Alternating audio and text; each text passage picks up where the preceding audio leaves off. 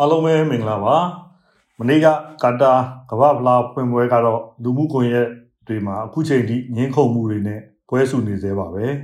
အထူးသဖြင့်တော့ BDS နဲ့ပတ်သက်လို့တစ်ဖက်နဲ့တစ်ဖက်တိုက်ပွဲတွေဆင်နွှဲလို့ကောင်းနေသေးပါပဲကျွန်တော်ကတော့ရှင်းပါတယ်ဖြော်ပြရေးတွေကိုတိတ်စိတ်ဝင်စားလေးမရှိတဲ့အတွက်မနေ့ကအထိသူ့ကိုလုံးဝမသိပါဘူးကျွန်တော်နဲ့ကတော်တော်လေးဝေးပါတယ် ကဘာဖလားသချင်းဆိုလို့နားတယ်အခုချိန်ထိဆွဲနေတာ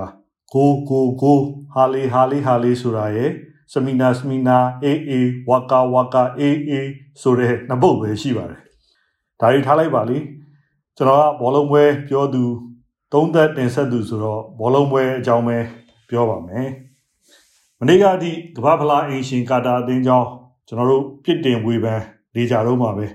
ကျွန်တော်လည်းကာတာအသင်းပေါ် အမြင်မကြည်တာလေးတွေအများကြီးရှိပါတယ်ပြောရရင်အဖွင့်ပွဲကိုသုံးသက်တုံးကကာတာအင်ရှင်အခွင့်အရေးကိုရားသလောက်ယူပြီးတော့ညစ်ကြဲကြဲကစားလိုက်မယ်လို့ထင်တဲ့အထက်မှာကျွန်တော်ပါပါတယ်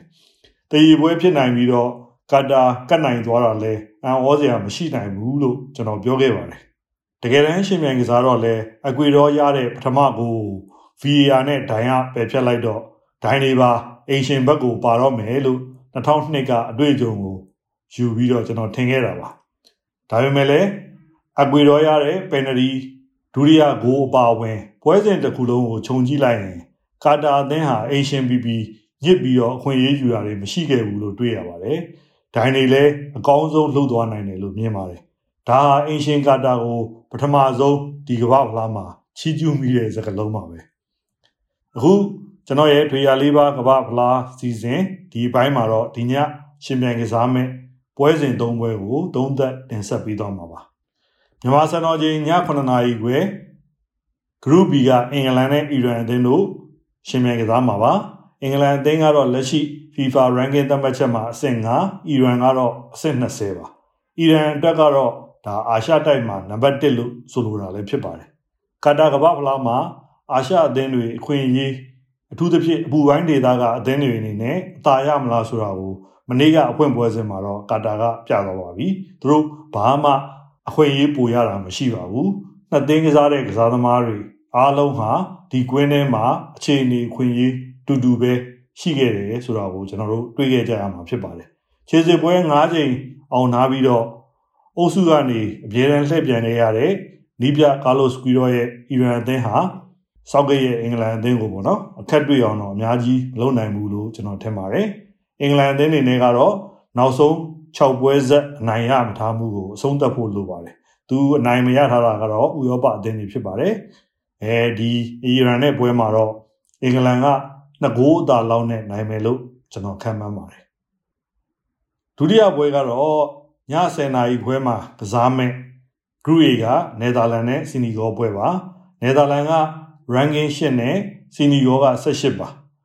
မာနီမပါတော့တဲ့စီနီဂေါဟာ စားမပါတဲ့ဟင်းလိုပေါ်ပြက်ပြက်ဖြစ်သွားတာမှန်ပေမဲ့ထင်သလောက်မစိုးသွားနိုင်ဘူးလို့တော့ယူဆရပါတယ်။ဒီပွဲကတော့နယ်သာလန်အသင်းကိုအနိုင်ပေးရမှာဖြစ်ပေမဲ့လည်းဂိုးကွာခြားချက်ကတော့အသိမများပဲနဲ့1-0 2-1လောက်နဲ့နယ်သာလန်ကအနိုင်ရသွားဖို့ရှိတယ်လို့တူတူတုတ်တုတ်ပဲကျွန်တော်ခံမှန်းချင်ပါတယ်